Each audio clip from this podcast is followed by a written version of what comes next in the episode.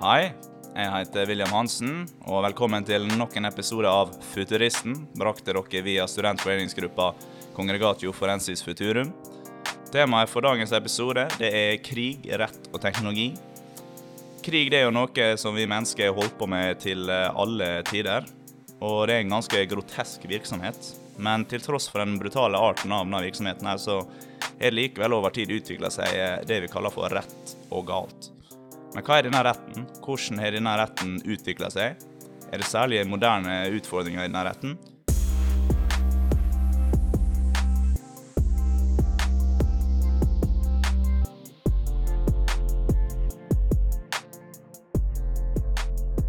For å bli klokere på disse spørsmålene og slike spørsmål, så har vi med oss førsteamanuensis for Det juridiske fakultet ved UiO, Stian Øby Johansen.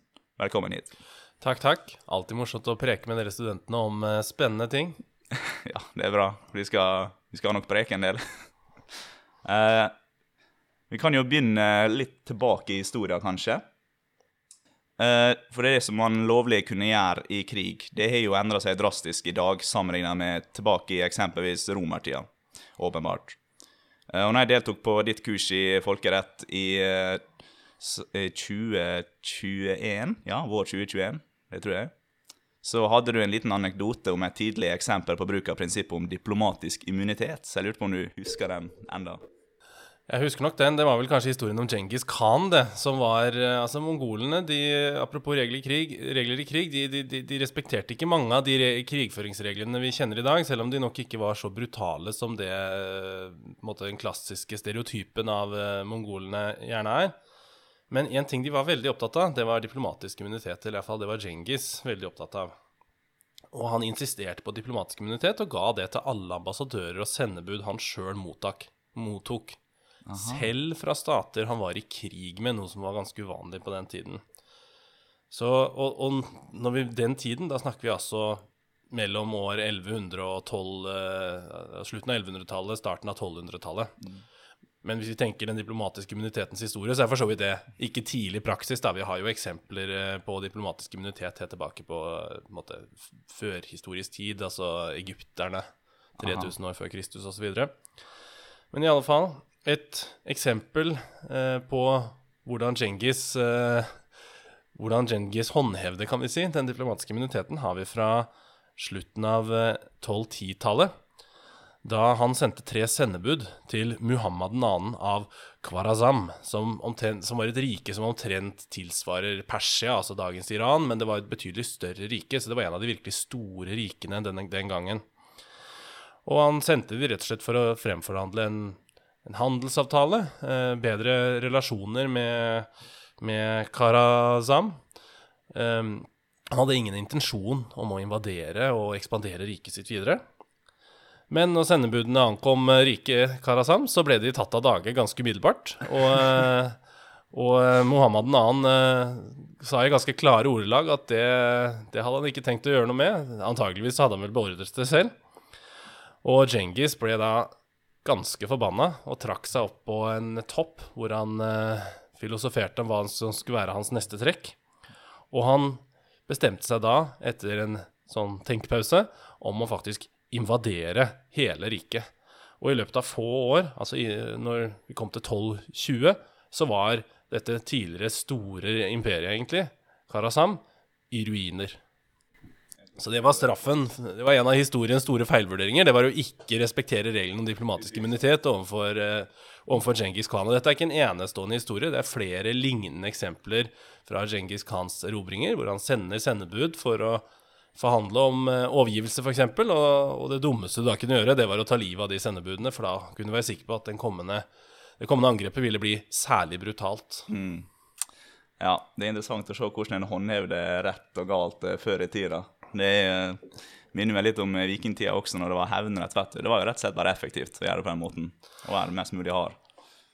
Ja, ja, og vikingtiden så hadde man jo, selv om i Norge så hadde man jo noen grad av rettssystem, men det var jo ganske horisontalt, da. Altså mm. det var jo nettopp Nei. Eh, øye for øye, tann for tann, og det ser vi også i folkeretten i dag. Når ikke du har noe sentral myndighet som kan utøve en politifunksjon, så, så blir det øye for øye, tann for tann, mottiltak ja. f.eks.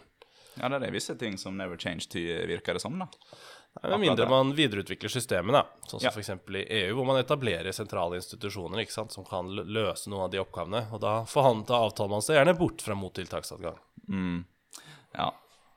Det blir jo et eller annet rettssystem tar det, vet du. Og tydeligvis hadde jo en av de mest brutale krigsherrene også et slikt rettssystem. Djengis og karene der. Eh, Men utviklinga av sånn eh, folkerettslige rettssystem og sånn, det har jo bare gått raskere, og det har jo gått lenger de hundrevis av åra etter Djengis Khan, fram til i dag. Og for så er jo reguleringa av hva slags våpen som er lov til å bruke, det har jo endra seg ganske raskt. Nesten like raskt som teknologien som lager disse våpnene. Gassvåpen, typer av kule, klasebomber, atomvåpen, romvåpen, til og med. Uh, og han Khan, han eh, Nok om det, da. Men han Khan han hadde jo på en måte en sånn gentleman's agreement-tilnærming, virker det nesten som. Eh, men det er ikke bare slik i den dag i dag, da. Det er vel litt mer håndfast eh, håndhevd. Nei, å prøve å identifisere liksom noen folkerettslige regler på Djengis Khans tid, det er vanskelig, altså. Men det er jo eksempler på praksis, iallfall, og, og en viss rettsoppfatning fra iallfall han, da. Som, men som tydeligvis ikke var helt unison den gangen, men som seinere har festet seg. Ja. Men når det gjelder det du spør mer direkte om, da, som gjelder regulering av våpen, så er det klart der har det skjedd eh, store ting, og det begynte jo særlig rundt første verdenskrig, eh, når man så eh, bruken av ja, Du nevnte gass, for eksempel. Eh, våpen som skapte enorm lidelse, men som kanskje ikke hadde den aller største militære betydningen, og som eh, gjorde at statene på en måte satt igjen med utrolig mange invalide. da Ja. som gjorde at man ønska å regulere dette. Og, og det gjorde man ved bindende traktater. Eh, og noen av de har jo en enormt stor oppslutning, sånn at det i praksis er et globalt forbud ikke sant, mot bruk av f.eks. gass, eh, enkelte typer av kuler som du nevner, osv. Uh, og det er bindende regler, og de reglene har også hatt ganske god effekt. Altså, de, de, de blir respektert, og, og det er jo ut fra en sånn gjensidig egeninteresse. Gass er et godt eksempel. Det er ikke verdens mest effektive våpen. Uh, gassen blåser litt vinden vil uh, ofte, og, og gassgranater er ikke kjempeeffektivt, men det har det har enorm eh, negativ virkning og skaper masse lidelse, egentlig, men med litt begrensa militær, direkte militær effekt. Så det, var, det har vært noe enklere da å, å regulere, og alle blir enige om at dette driver vi ikke med. Og, så, og da oppnå, opprettholder man jo en slags eh, likevekt. Mens det har jo vist seg mye verre f.eks. å regulere våpen som, som har en klar strategisk interesse. Jeg tenker typisk på atomvåpen, da, hvor eh, hvor et atomvåpenforbud ikke bare vil være et, et våpenforbud, men hvis, hvis det faktisk ble realisert fullt ut, eh, det vil si at f.eks. USA og Russland også hadde eh, av, av, ødelagt rett og slett sine atomvåpen, så eh, ville jo det ført til en total rebalansering av maktforholdene i verden også, kanskje. Ja, I hvert fall tror jeg f.eks. Russland, sånn som vi ser i dag, ikke sant? De, de, det at de har atomvåpen, gjør at det går en viss grense for hvor, eh, hvor hardt man kan sette imot russiske fremstøt. Ja. Så uten atomvåpen så ville de kanskje i mye større grad vært det de egentlig er, en stat med en økonomi og egentlig en styrke på størrelse med Italia. Ja, ikke sant? Akkurat det der, akkurat når vi sitter og spiller inn episoden akkurat i dag, eh, 7. februar, så er det det veldig oppe i nyhetsbildet hvor, eh, hvor effekt det kan ha på eh, geopolitikken. Det å ha slike kraftige våpen. da. Så det er interessant, som du sa, hvis de faktisk har realisert atomforbudet. Ja, og det, det gjør jo at uh, et forbud mot atomvåpen er jo tilsynelatende en veldig god ting, men samtidig er, åpner det jo også en Pandoras eske, for det er ingen som vet hvordan en verden ville sett ut hvor ikke man har atomvåpen som strukturerer i og for seg de internasjonale relasjonene, og som bidrar til avskrekking. Da. Og kanskje holder stormaktene noe i skinnet, fordi katastrofen av, eller konsekvensen av en feil, feilberegning eksempel, kan være Det er jo katastrofale. selvmord, vet du. Det er jo interessant, for krigen som slutta med skapelsen av atombomba, var jo ikke særlig hyggelig affære. Eh, hvis vi går litt videre, da, så har jeg et litt vidt spørsmål, da. Uh, det må prøve å begrense det hvis du klarer det. Men uh, det går litt ut på hva slags implikasjoner som særlig bruk av og avtalebrudd vedrørende de to sistnevnte eksempler på våpen i, som vi nettopp snakka om. For eksempel, jeg tenkte litt på romvåpen, da, syns det virkelig er interessant. Og det er jo en side til territorialprinsipp ute i verdensrommet, kan jeg se for meg. Ja, altså Det er vel nettopp ikke noe territorium i verdensrommet. Ja. Mm, det er på en måte all, allemannseie, eller litt som det åpne hav, egentlig. Sånn det er rettslig regulert.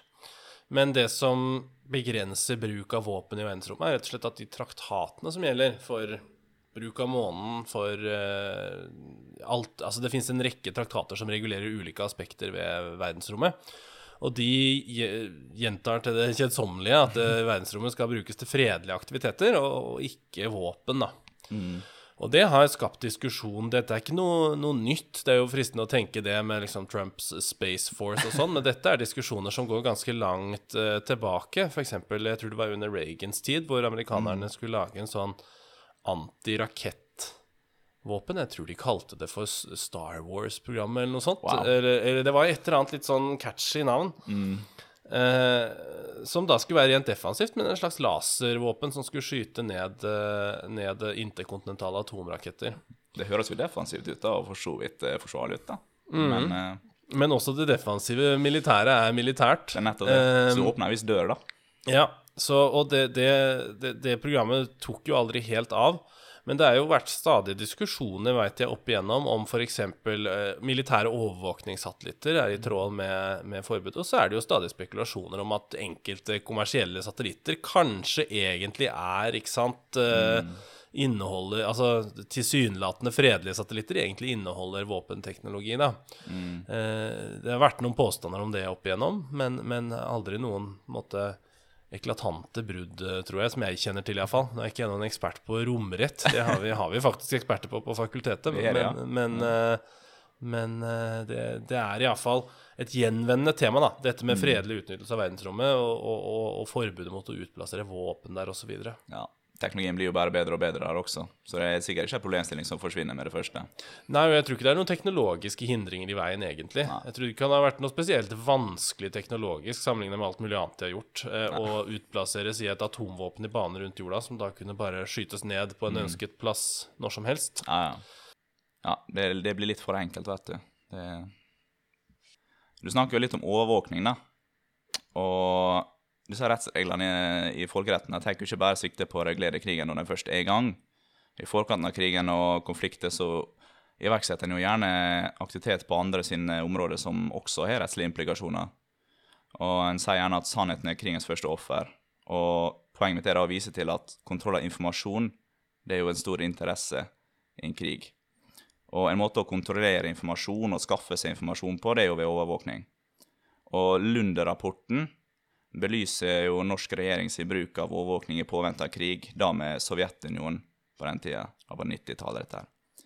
Eh, og da ble det jo avdekket den rapporten at regjeringa hadde overvåka, og i noen tilfeller i en ulovlig grad, en rekke politiske parti, herunder Norges kommunistiske parti og til og med Sosialistisk Venstreparti.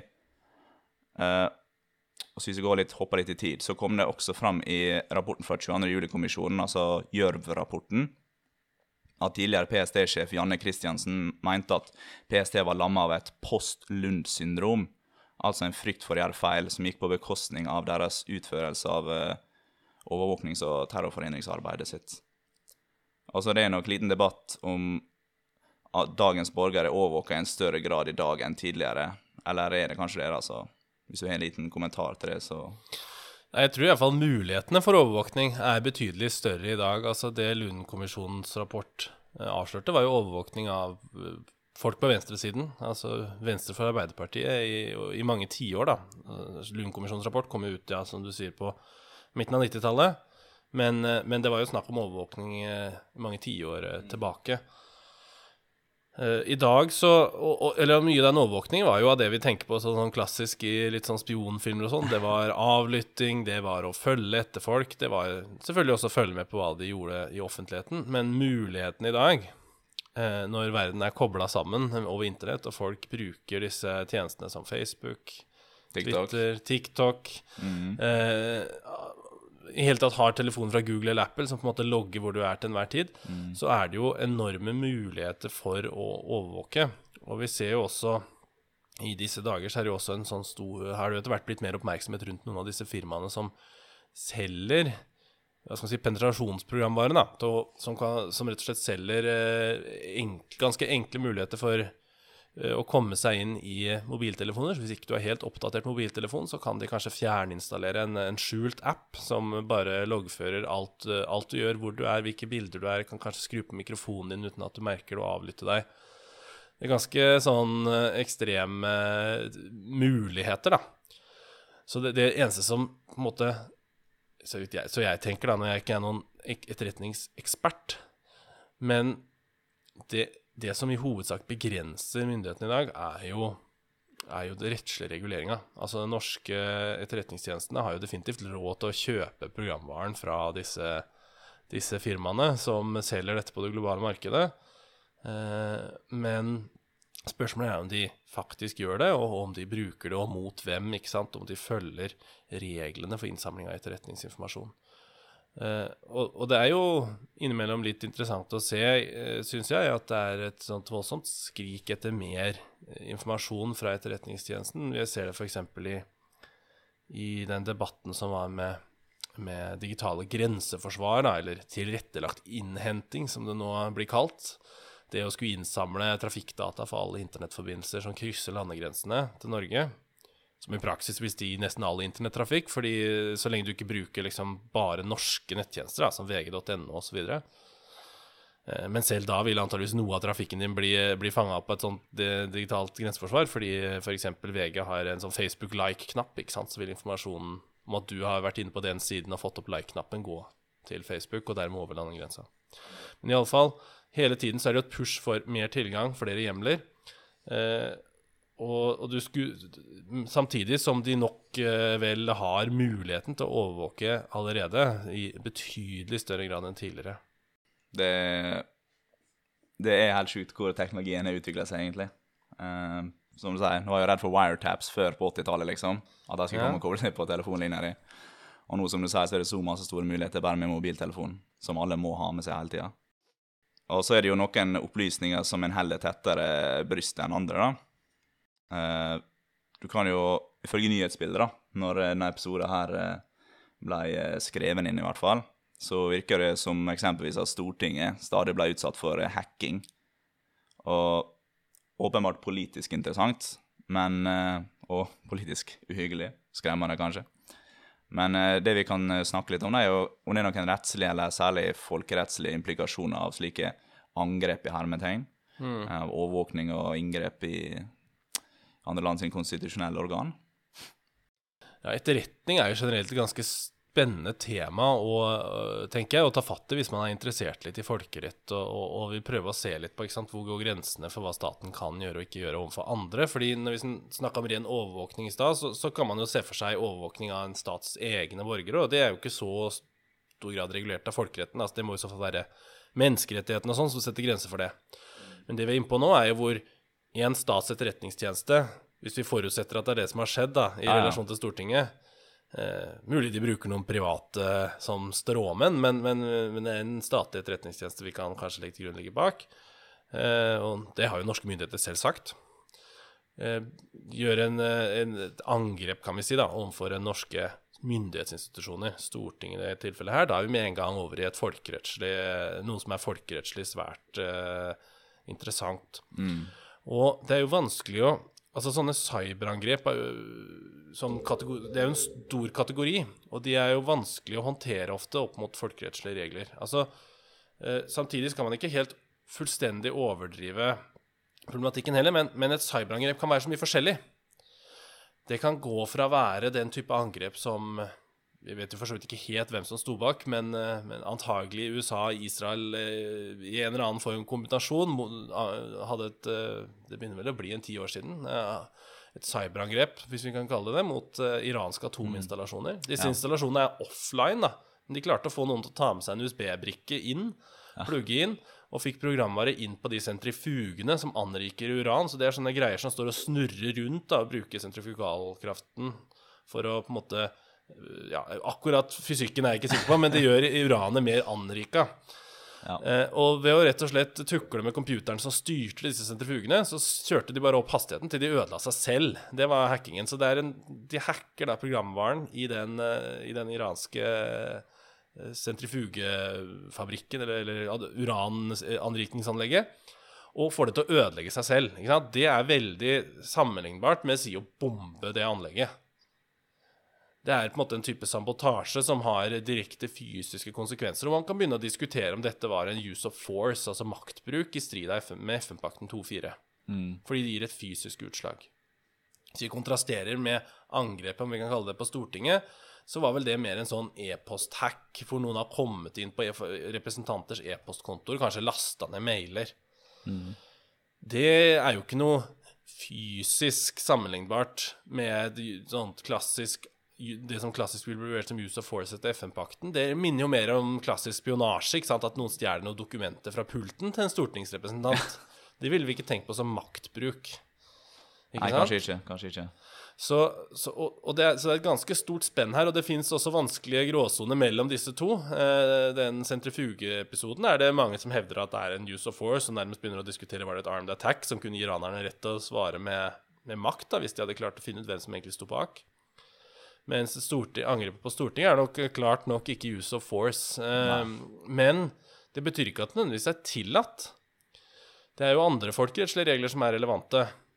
Men de er jo litt uklare. Altså, du har forbudet mot intervensjon, f.eks., som fortsatt er litt dårlig klarlagt hva eksakt grensene og sånn for det er. Det er på en måte det som ligger under use of force, hvor det, hvor det på en eller annen måte en stat utøver noe press, eller på andre måter blander seg inn i en annen stats anliggende for å styre dens valg. Altså i Nicaragua-saken, som er en kjent sak fra ICJ, så brukes vel noe uttrykk som at man påvirker valg which should be free, eller noe sånt, noe som staten da skulle kunne ta fritt da, uten på en måte press og påvirkning fra andre stater.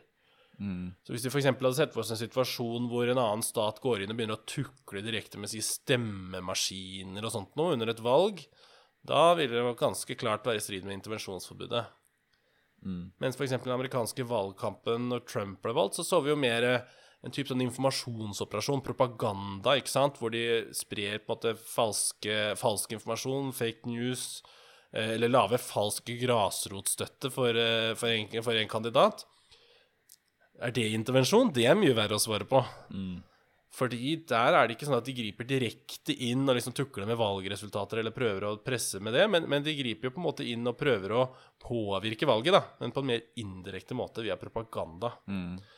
Og hele tiden her så er jo det for å fastlegge innholdet av dette intervensjonsforbudet, f.eks., eller kanskje enda mer generelt eh, Grensen for hva som må regnes som en suverenitetskrenkelse så må vi jo se på statspraksis, opinio juris. Altså hva er det statene praktiserer? Og er den praksisen i tråd med hva de mener er gjeldende rett? Og hvis, hvis det både er en svært utbredt praksis, og som støttes av også en oppfatning om at dette er på en måte rettslig forpliktende, da sier vi at det foreligger en sedvanerettsregel. Og at det finnes et intervensjonsforbud, og at det er en del av sedvaneretten, er klart. Men hvor grensene går, er ganske uklart. Og det er jo også fordi statene her De driver jo og fordømmer det samme som de praktiserer ofte også, da. Ja. Ikke sant? Sånn amerikanerne fordømmer eh, eh, russisk inngripen i, i sin eh, valgkamp, så klart det var nok mer ekstremt enn noe av det amerikanerne noen gang har gjort. Men, men vi har, vi har De har jo også drevet med lignende aktiviteter i andre stater, ikke nødvendigvis Russland, eh, som de da tilsynelatende, ut ifra at de faktisk bedriver det, må mene at det er tillatt. Eh, Så det er Og spionasje også, mer generelt, i, i folkeretten, er jo hvordan skal man klassifisere det? Er det forbudt? Er det ikke forbudt? Der er det en salig blanding av at statene fordømmer det hver gang de tar en spion, men sjøl sender spioner til, eh, til andre stater. ikke sant? Hvordan skal du bedømme praksis opinion juris og prøve å finne fram en rettsregel i det kaoset av ulik praksis der? Og det er, er et tema som jeg tenker er eh, velegna for eh, dypstudier i Ja, folkeretten. Ikke at jeg har tenkt å foreta meg det, men eh, det, det, det tenker jeg ville vært et ganske kult doktorgradstema. Jeg er litt redd for at eh, Og kanskje et mastergradstema for noen, i noen biter av det også. Samtidig tror jeg det kan være litt krevende, fordi du Det er virkelig, virkelig uklart hvor grensene går, da. Det er nok av rettskilde å sette deg inn i det, tror jeg. Noe praksis som er litt motstridende, kanskje. Både og. Både nok av praksis på én måte, du, men samtidig er mye av dette også foregår i det skjulte, ikke sant? Nemlig. Så det å få et ordentlig representativt bilde av praksis er nok vanskelig. Du har jo en del, du vil finne en del hvis du leter gjennom media, men, men, men hva med alle de episodene som ikke er headline news, som håndteres helt i det skjulte, med at noen diplomater blir pent bedt om å pakke sakene og reise, f.eks., eller, eller andre ting. Eh, Uten kanskje at det gjøres med en offisiell eh, sånn persona non grata-erklæring. ikke sant? Man kan jo hviske noen gjøre at eh, fint om du stikker, hvis ikke så kommer vi til å offentlig erklære deg non grata, f.eks. Eller Ah, ja, det er, det er mye av det som er litt problematisk med folkeretten. At det blir ofte mye sånn self-serving politikk hos de som er aktørene og skal lage sedvanen og praksisen. Men uh, det, det er bedre enn ingenting, i hvert fall. da. Det Ja, det er jo sånn, sånn rettssystemet utvikler seg, og det er jo gjerne på de punktene hvor det er sterke egeninteresser og motstridende interesser at reglene er uklare. Mm. Det henger jo tett sammen, mens det finnes jo mange områder av folkeretten som er svært avklart og tilskjært. Altså, Ja, ja. Reglene for internasjonal post skaper ikke all verdens med trøbbel, fordi der er det nedfelt i en traktat og ganske bred enighet om hvordan ting skal fungere. Selv om det har vært en del krangling der de senere åra, fordi hva gjelder beregning av porto og sånn, men, men det blir da løst gjennom de systemene som, som de traktatene etablerer, ikke sant. Mens når det gjelder intervensjonsforbudet, så for det første så må jo det være så generelt at det vil være vanskelig å nedfelle i traktat. Det blir jo på en måte en mildere variant av use of force. Eh, så selv om du skulle nedfelle i en traktat, så er det ikke sikkert det blir så veldig mye mer presist. Eh, og til syvende og sist så vil jo også den type traktatbestemmelser som er så generelle, i stor grad bli fylt inn av statspraksis. Da. For statspraksis er jo også relevant for tolking av traktater. Så, så det er jo kanskje et, et, en type Et rettsfelt hvor vi må på en måte tåle at det er en del uklarhet. da. Ja. Eventuelt håpe kanskje at internasjonale domstoler, hvis de, som dessverre veldig ofte ikke har jurisdiksjon over slike ting, kanskje vil på lang sikt kunne avklare litt grensene for hva som er måte, ulovlig intervensjon, og hva som er eh, og en legitimt å bry seg om andre staters indre Hva som skjer internt i andre stater. For det er klart, når Norge eller eh, andre stater fordømmer f.eks. For kinesiske menneskerettsbrudd, så vil jo kineserne for eksempel, kanskje oppfatte det som inn, u, u, ulegitim, kanskje til og med ulovlig innblanding i deres indre anliggende. Ja. Så her er det kniving hele tiden om hva grensen for det tillatte og det ikke tillatte går. Ja, spør du meg, så virker det jo greit klart at uh, så lenge folk klarer å holde seg til disse reglene her, så, og er interessert i å skape nye regler, så fungerer jo folkeretten. da. Sånn som torturforbudet nå. Det er jo i hvert fall i Europa, for eksempel. Da. Og det er jo klart forbudt, og det blir jo Ja, og det er universelt ganske Ja. klart forbudt. Tortur, Ja. Torturkonvensjonen, jeg vet ikke hvor mange parter den har på stående fot, men det er jo nært opp mot fullstendig universell tilslutning. mm. Så det funker jo da etter hvert, mener jeg, eh, på visse områder. Ja, og også i krigens folkerett. Altså, når vi snakka mye om på en måte litt andre rettsfelt eh, og forbud mot våpen, men altså opptreden i krigssituasjonen og regler om krigsfanger og alt sånt, det er jo også ganske så godt kodifisert. Eh, I hvert fall for mellomstatlige kriger, da. Eh, og det skjedde jo særlig rett etter andre verdenskrig, men også disse tilleggsprotokollene fra det er vel fra 70-tallet, nå, nå, nå husker jeg ikke helt eksakt. Men, men altså, og de, ble jo da, for- de tilleggsprotokollene ble jo fremforhandla når kalde krigen var nærmest på, på sin topp. Eh, og de regulerer jo ganske, ganske stor detalj hvordan man skal gå frem da, under krigshandlingene.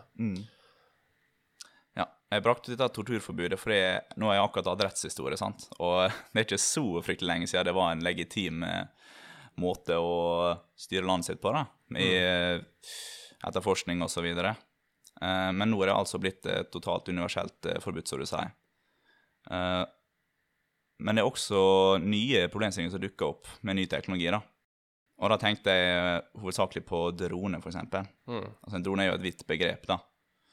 Men er det noen spesielle rettslige implikasjoner eller dimensjoner til bruk av drone i folkeretten? Ja, det er jo et vidt begrep. Altså, en ting, du kan kanskje skille mellom droner som noen styrer, altså som på en måte bare er fjernstyrte fly med kamera, og det som kanskje ligger fortsatt litt fram, mer sånn autonome drapsroboter. Altså typen en flyvende drone som ingen egentlig har noe direkte kontroll over. Du kan kanskje Man tenker, ser jo kanskje for seg at man noen år kunne hatt en drone som bærer våpen, som man kan be om å patruljere et område og skyte på si alle kjøretøyer som oppfyller visse karakteristikker og ser, ser ut som uh, væpna kjøretøy, f.eks. Og det siste, autonome drapsroboter, hvis vi kan kalle det det, det, har jo en god del implikasjoner å skape. Og, og der er det jo det har vært mye diskusjon de siste senere åra på å prøve å få på plass noen form for regulering, uten at man har egentlig lyktes helt med noen store gjennombrudd, så vidt jeg har oversikt over. Igjen jeg er ikke måte, helt inne i detaljene her. Og så er det jo også spørsmål om kan Altså, hva tillater egentlig dagens regler? F.eks. kravene til proporsjonalitet og osv. som ligger innbakt i disse konvensjonene om krigens folkerett, som er liksom noen av grunnprinsippene der, kan det vurderes av en robot? Eller er det, forutsetter det en menneskelig vurdering? Det er jo også en debatt, i, i fall i akademia, da. Mm. At er det i hele tatt lov i dag med en sånn type autonomi? Og så er det jo vist seg selvfølgelig også da, Når man begynner å liksom se på detaljene her, så tenker man at liksom, autonome krigsroboter, iallfall på den måten jeg skisserte det, altså den som patruljerer på en måte helt autonomt et område, det finnes jo ikke i dag. Det er fremtiden. Men noen grad av automatikk er det jo i dag. Avanserte missilsystemer f.eks., eller antirakettforsvar og sånn. Når du trykker på knappen der, så sitter man jo ikke og finstyrer missilet til det treffer det, den, den raketten man vil skyte ned. Det er jo noe selvstyring involvert. Jagerfly slipper av et, eh, et varmesøkende missil, f.eks., så følger jo det etter varmen til det flyet man prøver å treffe på egen hånd. Så det fins jo noen grad av dette allerede, men, men selvfølgelig ikke med den frihet, sånn, så, så enormt stor grad av autonomitet som det jeg beskrev. da. Mm.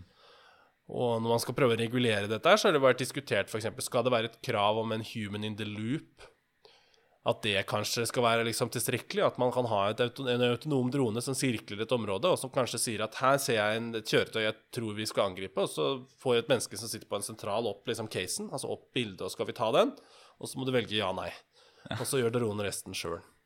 Og det vil jo sant, være mindre det er et mindre autonomt system enn hvis du hadde latt dronen ta den beslutningen på egen hånd. Mm. Så her er det mange på en måte tenkelige måter å designe teknologien, og da også mange måter å tenke seg å regulere det på, da. Mm. Og dette er virkelig sånn diskusjoner som pågår akkurat i disse dager. For denne teknologien ser man nærmer seg nærmere, nesten dag for dag, ikke sant? Mm. Det er klart, hvis uh, militære, militære eh, industrielle komplekset har ganske store ressurser, og hvis uh, privatbilen din begynner å kjøre på egen hånd, så kan du banne på at det er noen som sitter og prøver å fikle med akkurat de samme typene teknologi for å få, få til et eller annet militært. Mm.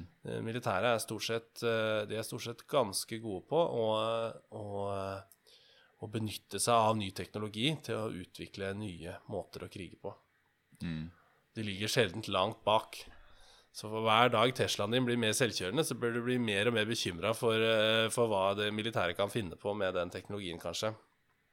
Ja. Og det er jo en kampanje for å få, få til et forbud mot autonome drapsroboter, men, men, men, om det får nok traction til å bli et ordentlig forbud, er uklart. Og så er det også, da må jo definisjonen bli viktig, ikke sant. Hva er en sånn autonom Hva er for autonomt? Mm. For det fins jo allerede noen grad av automatikk i dag, som jeg beskrev, men, men er det liksom de hvor det ikke er noen human in the loop?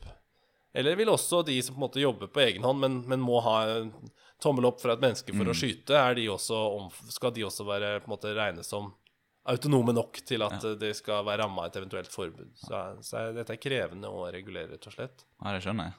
Oh, når du snakker om drapsroboter, så kom jeg på eh, drapsroboter, så kom jeg på en sånn artikkel jeg las fra DARPA, som hadde utvikla en ny sånn robot mm. til å bruke i krig. da, Og den skulle være sjølforsynt med biologisk eh, drivstoff. Så den skulle liksom gresse, da. Beite. uh, og folk, det var noen som ble umiddelbart uh, bekymra for det, da. Så de, så de, måtte ut og si offentlig nei, den kommer ikke til å begynne å ete mennesker. Biologisk drivstoff, sant. Ja, ja. ja det er morsomt. Uh, ja, men roboter, det må jo også reguleres, det er jo klart. Ja, nei, altså Det er jo klart at eh, drone og teknikk osv. fører oss inn i en eh, ny verden. Litt rettslig ny verden, i hvert fall. Eh, ja, og det går jo an å være utopisk orientert også, da. Altså, jeg husker det var noen som skrev sikkert litt ironisk et innlegg på en, en av disse folkerettsbloggene, som jeg for så vidt anbefaler alle studenter å lese. Jeg tror det var Egil Talk, som er European Journal of International Law sin, uh, sin blogg. Eh, og skrev om liksom den dagen eh, noen tiår inn i fremtiden hvor to sånne autonome droner eh, støter på hverandre over i, i, luftrommet, og begge har blitt, blitt programmert til å ikke skyte først. De skal kun, kun, være den som skyter som nummer to. Og så dronene bare sirkla hverandre rundt og rundt og rundt og venta på at den andre skulle trekke av, helt til de begge gikk tom for drivstoff og styrta, tror jeg, eller noe sånt. i alle fall. Så da ble det aldri krig. At det på en måte ble løsningen til slutt. At hvis alle hadde autonome droner programmert til å ikke skyte først, så ville jo tross alt det redusere mulighetene for f.eks. at eh, menneskelig feil skal kunne utløse en storkrig, slik som fort kan skje f.eks. på grensa til Ukraina. For feilberegning kan, være, kan sette i gang så mangt. Men det er nok en litt vel utopisk tanke, da, men jeg syns det var et litt morsom, en litt morsom tanke likevel. Ja. Det er lov å drømme. Lov å håpe, kanskje. Nei, men eh, jeg føler vi prata om mye kult og interessant i dag, jeg. Så jeg vil takke deg for at du kom, Stian. Og takk for at jeg fikk komme. Ja, Veldig hyggelig. Veldig flink person. Og alltid morsomt å drodle fra helt tilbake på 1100-1200-tallet og frem til fremtiden. Ja, det, det er en god, eh, god historie, det, altså. Yes, takk for at du kom. Takk, takk. Ha det bra. Du har hørt episoder Krig, rett og teknologi med førsteamanuensis Stian Øbe Jansen og Kongregatio forensis Futurum. Vi håper den falt i smak. Episoden er skrevet av yours truly, Futurums leder William Hansen, produsert ved teknisk ansvarlig Joakim Sørbø Snerte og teknisk medhjelper Jørgen Borchgrevink. Tusen takk til våre hovedsponsorer Håvin og PwC. Vi høres neste gang. Stay futuristic.